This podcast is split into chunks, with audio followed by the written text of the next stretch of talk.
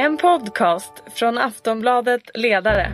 Nu sitter vi här, det är onsdag förmiddag före jul precis och det är lönedags. Eh, åtminstone nästan, eh, åtminstone här på Aftonbladet så får vi lönen i morgon. Till podden har vi nästan som vanligt. Vi har nämligen eh, Susanna Lundell. Stämmer bra. Kommunalarbetaren här. Jajamän. Tommy Öberg från Ja. tidningen Arbetet med, med mera. Ja, Ja. Det vi inte har är att vi inte har eh, Margret Atladottir. Hon har tyvärr fått förhinder idag. Hon kommer tillbaka men det blir jag, Ingvar Persson, som får försöka ska gå in. ja, det ska. leda. Så vi är lite tillbaka till, till Det går som tåget. Ja.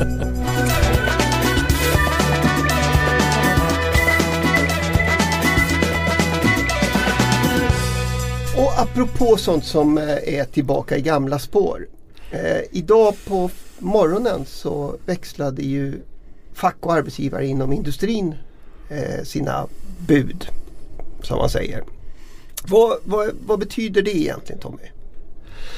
Ja, alltså det betyder väl att den första akten utav det riktiga avtalsrörelsen på något vis gjordes idag. Alltså när, när man, alltså alla har ju vetat om allting visserligen i ett antal veckor men när man faktiskt går och träffas och växlar pappren och vi också fick veta vad arbetsgivarna önskar sig under den kommande avtalsrörelsen. Det var ju trots allt en nyhet. Det har vi inte varit klara över tidigare även om deras debattartiklar och deras utspel och deras offentliga framträdanden har indikerat att eh, det finns inte mycket att hämta för facken när de ska förhandla med arbetsgivarna inom industrin. Och nu fick vi ju det, det siffersatt, alltså måste landa under 1,5 procent hette det ju den här gången.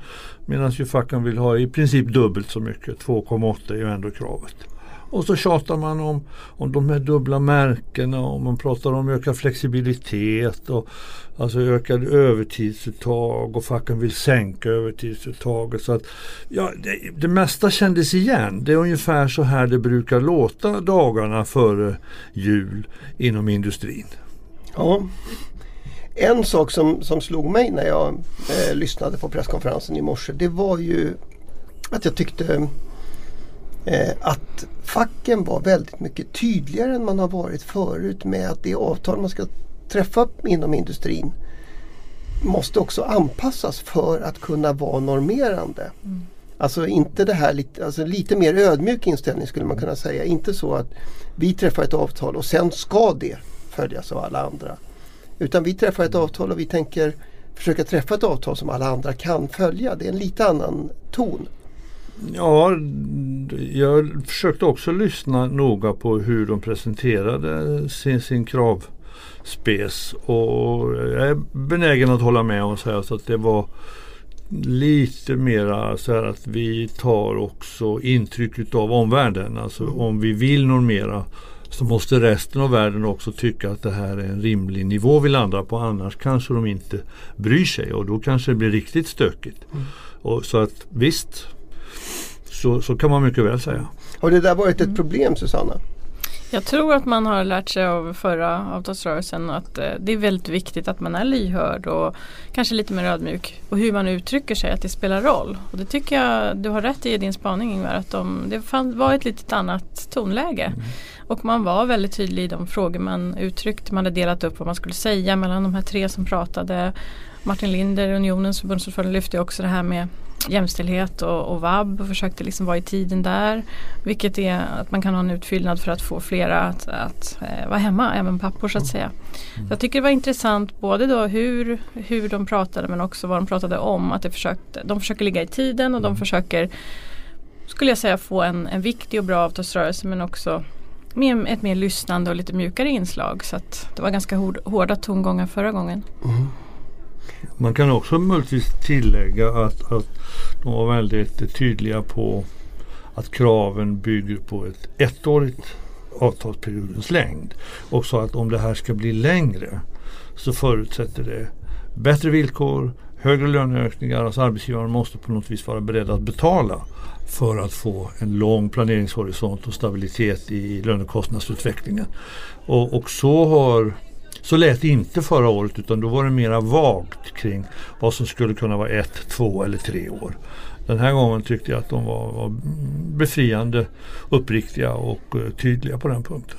Men är det också en erfarenhet från förra året när ju faktiskt det kom bud på, på tvååriga, ett tvåårigt avtal på en lägre nivå? Alltså där, där ju man faktiskt kunde läsa in en viss förvirring nästan i de fackliga representanterna som inte förstod varför de skulle gå med på det. Nej, jag tror att, att uh, vis av, av förra året så har man blivit mycket tydligare med så att säga, vad det är vi kräver och om vi ska liksom överge det, då kostar det mer. Och, men sen finns det väl ett, ett inslag i den här avtalsrörelsen som inte fanns med eh, förra gången och den här, det är den här tydliga låglönesatsningen. Eh, som är en följd av LO-samordningen. Susanna, alltså, kommer den att stöka till avtalsrörelsen? Det kan den göra. Det beror på vad som händer och hur det kommer att tas emot. Men det kan ju också vara ett sätt att möta de här grupperna och hoppas att man får med sig fler på den banan. Men det är klart, det är ju kanske inte alla som kommer tycka att det är rätt väg att gå. Då kan det ju bli stökigt i den frågan. Arbetsgivarna till exempel tycker ju inte att det är Nej, rätt till exempel arbetsgivarna. Nej, de är ju helt emot. På, det, var, det blev ju tydligt idag också att, att eh, ge 672 kronor mer i månaden som facken kräver till alla som har löner under 24 000. Det innebär ju att, att då blir det inte 2,8 utan då stiger ju procentsatsen ju lägre lön du har. Så att, och det betraktar ju arbetsgivarna som fullständigt otänkbart. Det är ju helt i strid med den uppfattning som industriavtalet ju har som sitt Ja, det är ju liksom själva grundprincipen. Det finns ett märke, ingenting annat. Så att där kommer inte minst IF Metall och GS att, och Livs att få kämpa en rejäl match om de ska få hem det här. Mm. Det blir inte lätt. Mm. Nej, och det är, väl det, alltså, det är väl det att det egentligen strider mot arbetsgivarintresset på åtminstone två sätt. Det ena det här att, att man då har ja, men surrat sig vid ett, ett märke på, mm. på hundradelen av en, en procent gärna helst. Mm. Liksom. Eh, och det andra är ju att, att man ju generellt sett aldrig är förtjust i, i låglönesatsningar. Det är snarare tvärtom man brukar vilja ha Men eh, Anders Färbe sa ju väldigt tydligt i, i morse då eh, att eh, deras uppfattning är ju att det är klart att industriavtalet måste kunna rymma en låglönesatsning. Mm. Annars hade vi nog inte skrivit det säger han då. Så att det är klart att, att där blir det väl en tolkning av hur, hur avtalet egentligen eh, ska, ska läsas och, och mm. förstås. Ja fast det, det, är säkert en av de här riktigt eh, svåra frågorna på, på industriområdet. Eftersom de kommer att gå först så blir det ju liksom starkt fokus på hur de löser den här frågan. För det kommer alla andra sen att få leva med vare sig man vill eller inte. Så det blir väldigt viktigt hur de gör det här. Mm. En annan, eh, om vi nu ändå liksom går igenom det här lite. Det kommer ju få återkomma ner till detaljerna. Det var en väldigt detaljerad lista inte minst från arbetsgivarna när, mm. det, när det handlade om vad de ville ha för förändringar. Men Eh, förstår jag det rätt om de egentligen sa att, att de här försöken, de kom, man håller ju på nu och försöker komma överens om flexpension också för, för ehm, eh, Almega-företagen. Eh, och där antyder väl Teknikarbetsgivarna att de kommer att, att vilja förändra flexpensionen också inom industrin för att anpassa det. För att... Ja det var min tolkning också att de vill ge nya medlemsföretag inom teknikbranschen möjligheter att fasa in under ganska lång tid innan man betalar full avgift till deltidspensionen. Mm. Alltså sju år tror jag att de nämnde som en infasningsperiod innan man som nytt medlemsföretag betalar full avgift för sina anställdas deltidspension. Och det är en ganska lång infasningsperiod och en förändring jämfört med hur det är idag. Mm. Och dessutom en, en, möjlighet att ta ut eh, det här i pengar istället för i, i inbetalningar. Exakt. Alltså precis det som Almega Drev hela förra ja. året, ja. Alldeles rätt. Så här, här, får, här får unionen ett, ett problem. Liksom. Det är möjligt att man har ur askan i elden. Ja, och det konstiga är ju att, att de här överläggningarna som ju föregick, eller pågick under förra veckan inte ledde fram till något riktigt tydligt besked om hur är det nu? Är man överens mellan Almega och de här två tjänstemannaförbunden eller inte? Jag har, jag har fortfarande svårt att bli riktigt klok på om, om Är man överens om prislappen och är man överens om vad man får? Eller är det fortfarande så att, att frågan ligger som en slags bubblare och, och kan ställa till det när som helst under, under vintern? Jag är faktiskt inte riktigt klar över det. Vi får räkna med att återkomma kanske. Skulle jag tro. Ja. Okej, okay, ska, vi, eh, ska vi tycka att vi eh, ändå har, har eh, konstaterat att nu är det igång på allvar? Det tycker jag. Det tycker jag också. Ja. Mm. Å andra sidan så har det ju varit igång. Alltså det här, nu borde ju verkligen, vad ska jag säga, ja, kant i kant eller hur man nu skulle uttrycka det här på, på rätt sätt. Susanna, mm.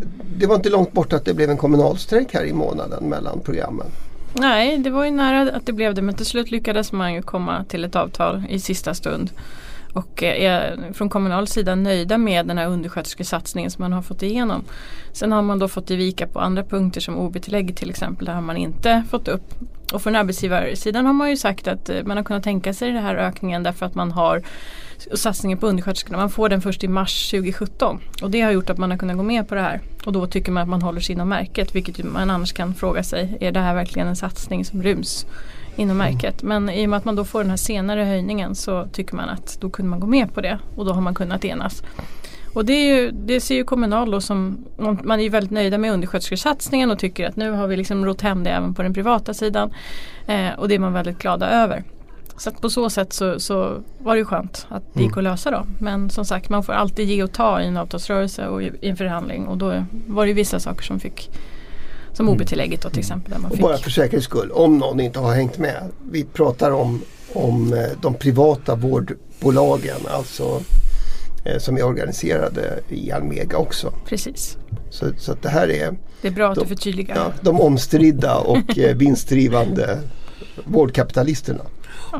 Eh, Exakt. Skulle man, skulle man säga. Okej, okay, men mm. och, och det här, alltså själva grundproblemet när man satt sig ner och förhandlade. Det, det handlade om att, att avtalet mellan kommunal och kommunerna och landstingen var konstruerade på ett sätt där man rätt uttalat hade sagt att vi går, vi, vi liksom spräcker märket för undersköterskorna. Mm.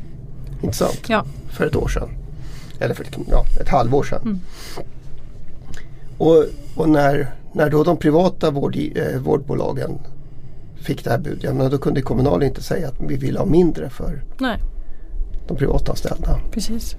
Och samtidigt ville vårdbolagen inte betala mer än, Nej. än industrin. Men Tommy, om jag, om jag frågar dig då. Alltså, det, här, det såg ut som en olöslig konflikt när man, när man började varsla om, om strejk egentligen. Alltså Kommunal hade ett, ett bud som de inte kunde gå under därför att de redan hade vunnit det någon annanstans. Vårdbolagen hade ett märke som de inte ville som de tyckte att de var tvungna att förhålla sig till annars skulle de få smisk av Svenskt Näringsliv och, och teknikföretagen. Ungefär så. Och så löser man det ändå. Alla går ut och säger att det blev som vi ville. Varför är det så? Ja, det där kan man ju naturligtvis ha, ha många olika åsikter kring. Men, men, det är ju så att i slutändan så eh, så förstod nog alla att, eh, att runda det stora avtalet alltså inom SKL och Kommunal som där ju de flesta undersköterskorna finns det var mycket svårt för de privata vårdarbetsgivarna att komma undan med att de skulle betala sina undersköterskor betydligt lägre löneökningar än i det, i det offentliga.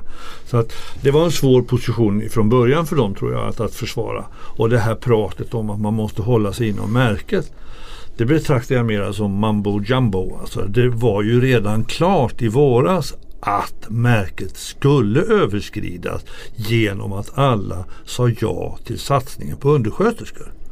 Man, det, liksom, det, finns ju ingen, alltså all matematisk vetenskap pekar ju på att om man får mer så kostar det mer. Det, det liksom, man kan inte hitta på efteråt och säga att ja, ni fick de här extra löneökningarna men det kostar ingenting. Det är klart att det gjorde. Sannolikt var det så att utslaget på hela Kommunals avtalsområde så blev det inte 2,2 utan det kanske blev 2,5 Hi, I'm Kara Berry, host of Everyone's Business But Mine, and I am an all inclusive addict. Enter Club Med, the best all inclusive for you and your family. With resorts worldwide, from their family flagship resort, Club Med Punta Cana, to their only mountain resort in Canada, Club Med Quebec, they have everything you need to relax.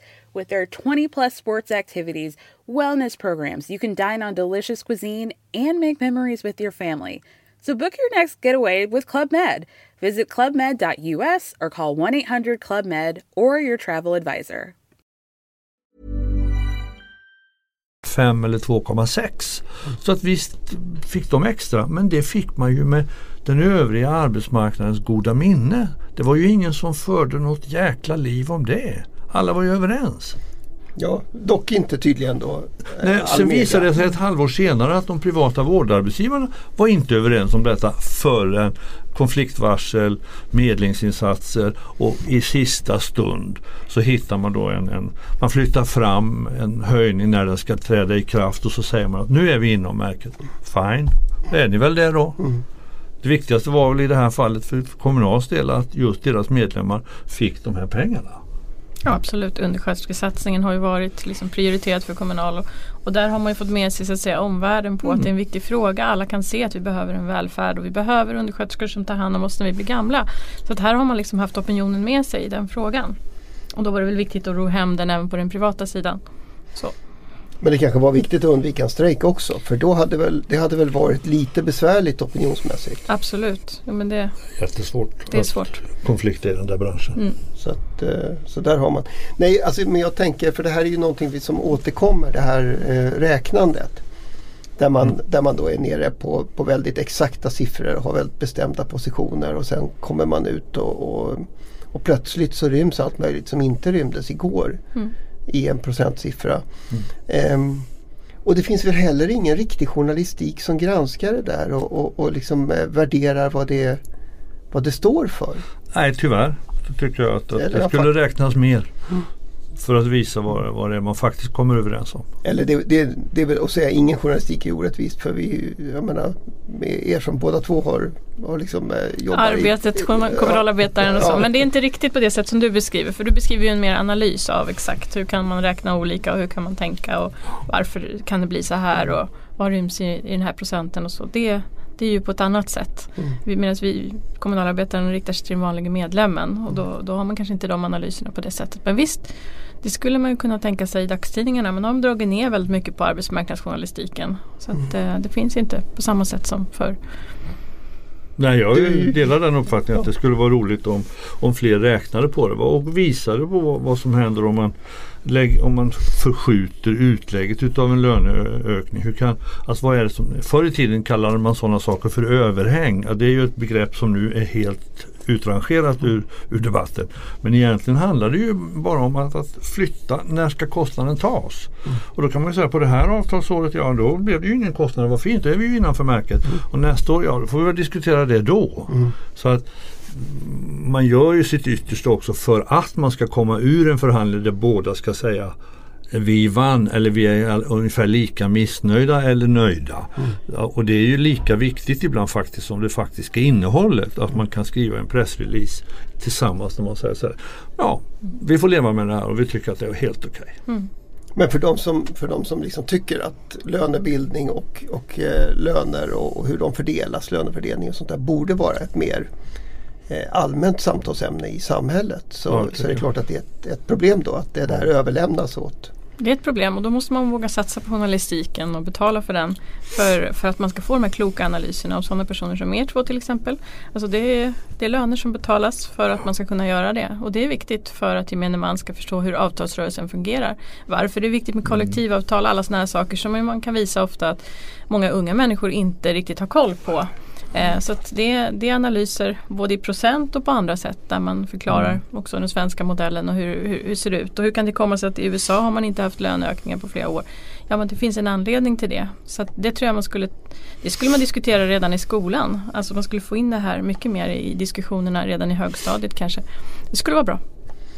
Och det blir ju som en, en eh, häpnadsväckande P3-övergång till, till vårt nästa ämne eftersom vi ju, eh, eftersom vi ju avslutade förra eh, månadens program med att prata om Idol. Så det är väl möjligt att man faktiskt har pratat en del kollektivavtal i landets högstadier.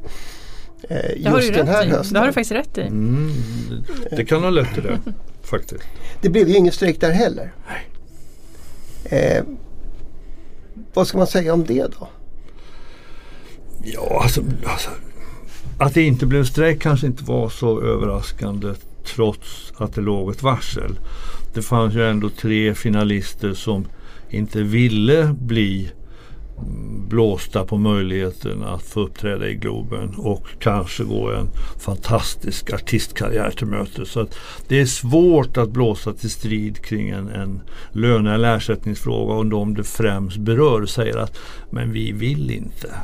Så att, att, att det inte låg med någonting i den slutliga uppgörelsen det överraskade i alla fall inte mig särskilt mycket utan den frågan var man nog tvungen att släppa. Jag tyckte det var ganska bra att de kom en bit på väg med annat kring hur kontrakten skulle se ut, vilka åtaganden deltagarna tvingas ställa upp på och hur länge som de här kontrakten löpte. Och så. så det fanns en hel del som var, var bra att rensa upp i tror jag faktiskt. Trots att den här frågan om 875 kronor i veckan förblev olöst.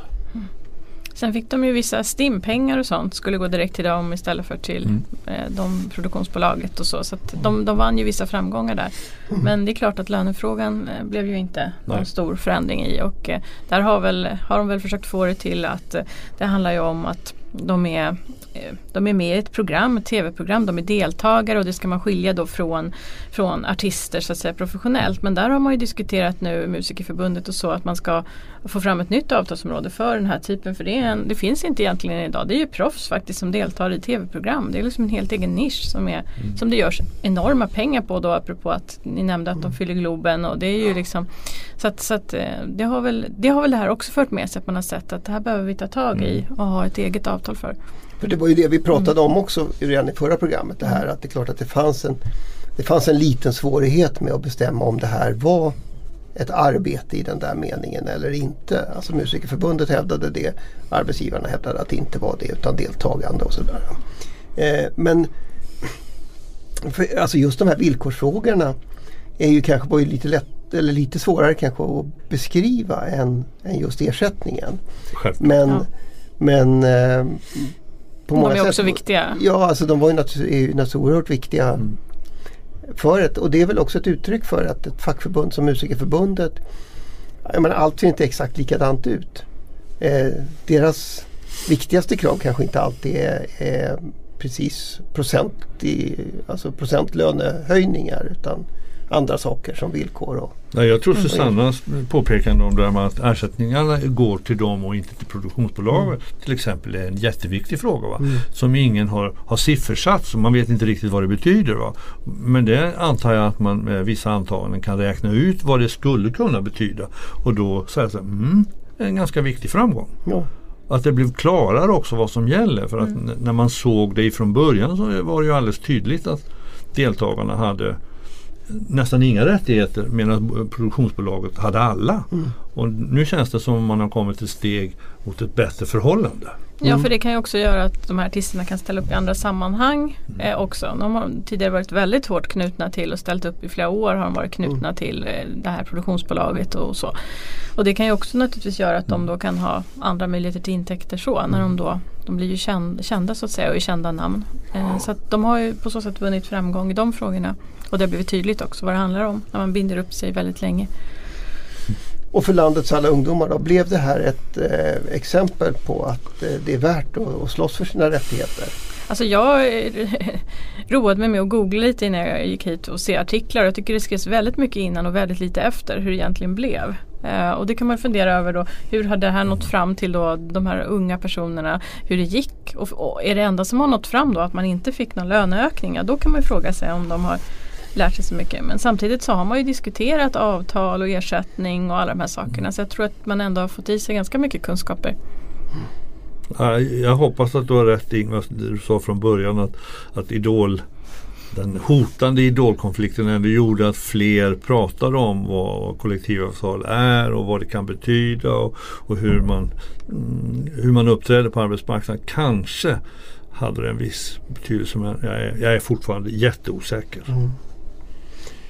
Vi eh, får väl egentligen aldrig något riktigt svar på det där eftersom det skulle vara att försöka ta reda på vad som hade hänt om det inte det som hade hänt hade hänt. Och då är vi ju alltid ute på djupt vatten. Det kan man säga.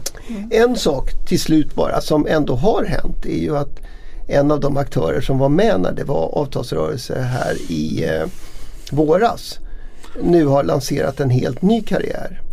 Anneli Nordström, tidigare kommunalordförande, ska ju nu bli politiker i Feministiskt initiativ. Eh, såg du det komma Susanna?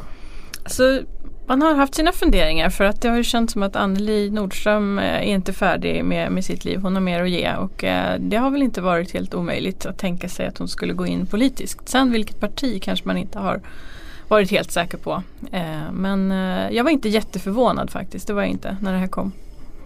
Men det är en stor sak i svensk fackföreningsrörelse och, och för ett fackförbund som Kommunal att eh, en en förbundsordförande eh, satsar på politisk karriär utanför Socialdemokraterna. Det är en stor sak. Tobias Baudin har ju kommenterat det och varit väldigt liksom sådär förstående men också sagt att det är inte så många av Kommunals medlemmar idag som, som röstar just på Fi eller har röstat. Men det, sånt kan ju ändra sig förstås. Men så han, han har varit väldigt, ja tyckt att det är väl bra att Anneli jobbar vidare med något som hon tror på. Men från andra håll, nu kommer inte jag ihåg exakt om det var Livs eller vem det var, men det var ju, har varit hårda tongångar från en del andra LO-håll. Yes. Där man har tyckt att man, eh, det finns ett svek liksom av arbetarrörelsen och att man lämnar och sådär. Och väldigt hårda tongångar, förvånansvärt hårda tongångar faktiskt. Så det är klart, och det är kanske inte helt vanligt men det kan ju ni två bättre än vad jag kan om, man, om det finns andra som har gjort den här typen av byten. Ja, inte på det här sättet som jag spontant kan komma på. Va? Men jag var, var, själv inte så överraskad över att, att uh, Anneli Nordström uh, landade hos Fi. Jag har sett henne uppträda tillsammans med Gudrun Schyman vid uh, flera tillfällen. Och det är en ganska stark duo tillsammans. De förefaller gå väldigt bra ihop. Mm. Så att jag tror att hon har uh, Alltså det har inte inte varit någon stor övergång för Anneli Nordström själv. Alltså i de frågor där hon är djupt engagerad kring strukturell diskriminering och annat och alltså där Fi har försökt profilera sig som ett alternativt parti med alternativa lösningar. Det har legat ganska nära Anneli Nordströms egen personliga uppfattning så att när hon nu ger sig in i det så kan jag nästan inte komma på någon annanstans där, där hon skulle liksom fått en möjlighet att dels få en ganska stor roll mm. och nu få en möjlighet att fortsätta på det här. Sen har ju Anneli Nordström varit väldigt tydlig i vissa frågor till exempel när det gäller migration och invandring och så. Där har ju hon också varit tydlig mm. med att hon har varit väldigt besviken på den väg som nuvarande regering har tagit i, i de frågorna. Mm. Och då är det ju så att om man tittar på vilka partier som finns kvar så är det även där ganska tydligt att, att Fi är ett alternativ som, som då är närmast. För där är mm. man väldigt tydlig i de frågorna också. Men sen är det också så som du var inne på Tommy att hon och Gudrun naturligtvis är ett, ett lysande team på så sätt att de Anneli har ju har ju, det är många som lyssnar på henne bland, bland ja, Kommunals medlemmar och andra. Där är hon en, en viktig person och det är klart att de två tillsammans, eh, om de då satsar på nästa val och komma in i riksdagen så, så får ju Anneli med sig många personer som Fi kanske inte har idag. Och på så sätt så är hon också en viktig person för Fi.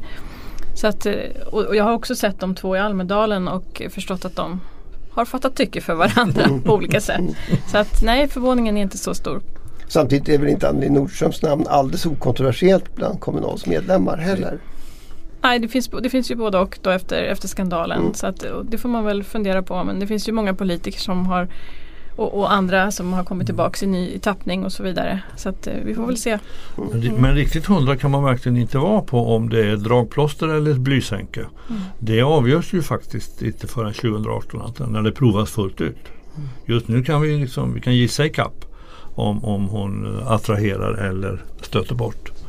Det, det kanske är båda så att eh, det blir plus minus noll, vad vet jag. Men det är inte helt lätt att, att vara säker. Vi lär höra fortsättningen på den historien också. Men det kanske är utanför den här podden. Eh, det är dags att gå tillbaka till eh, julstöket. Eh, Susanna har en tidning att förbereda.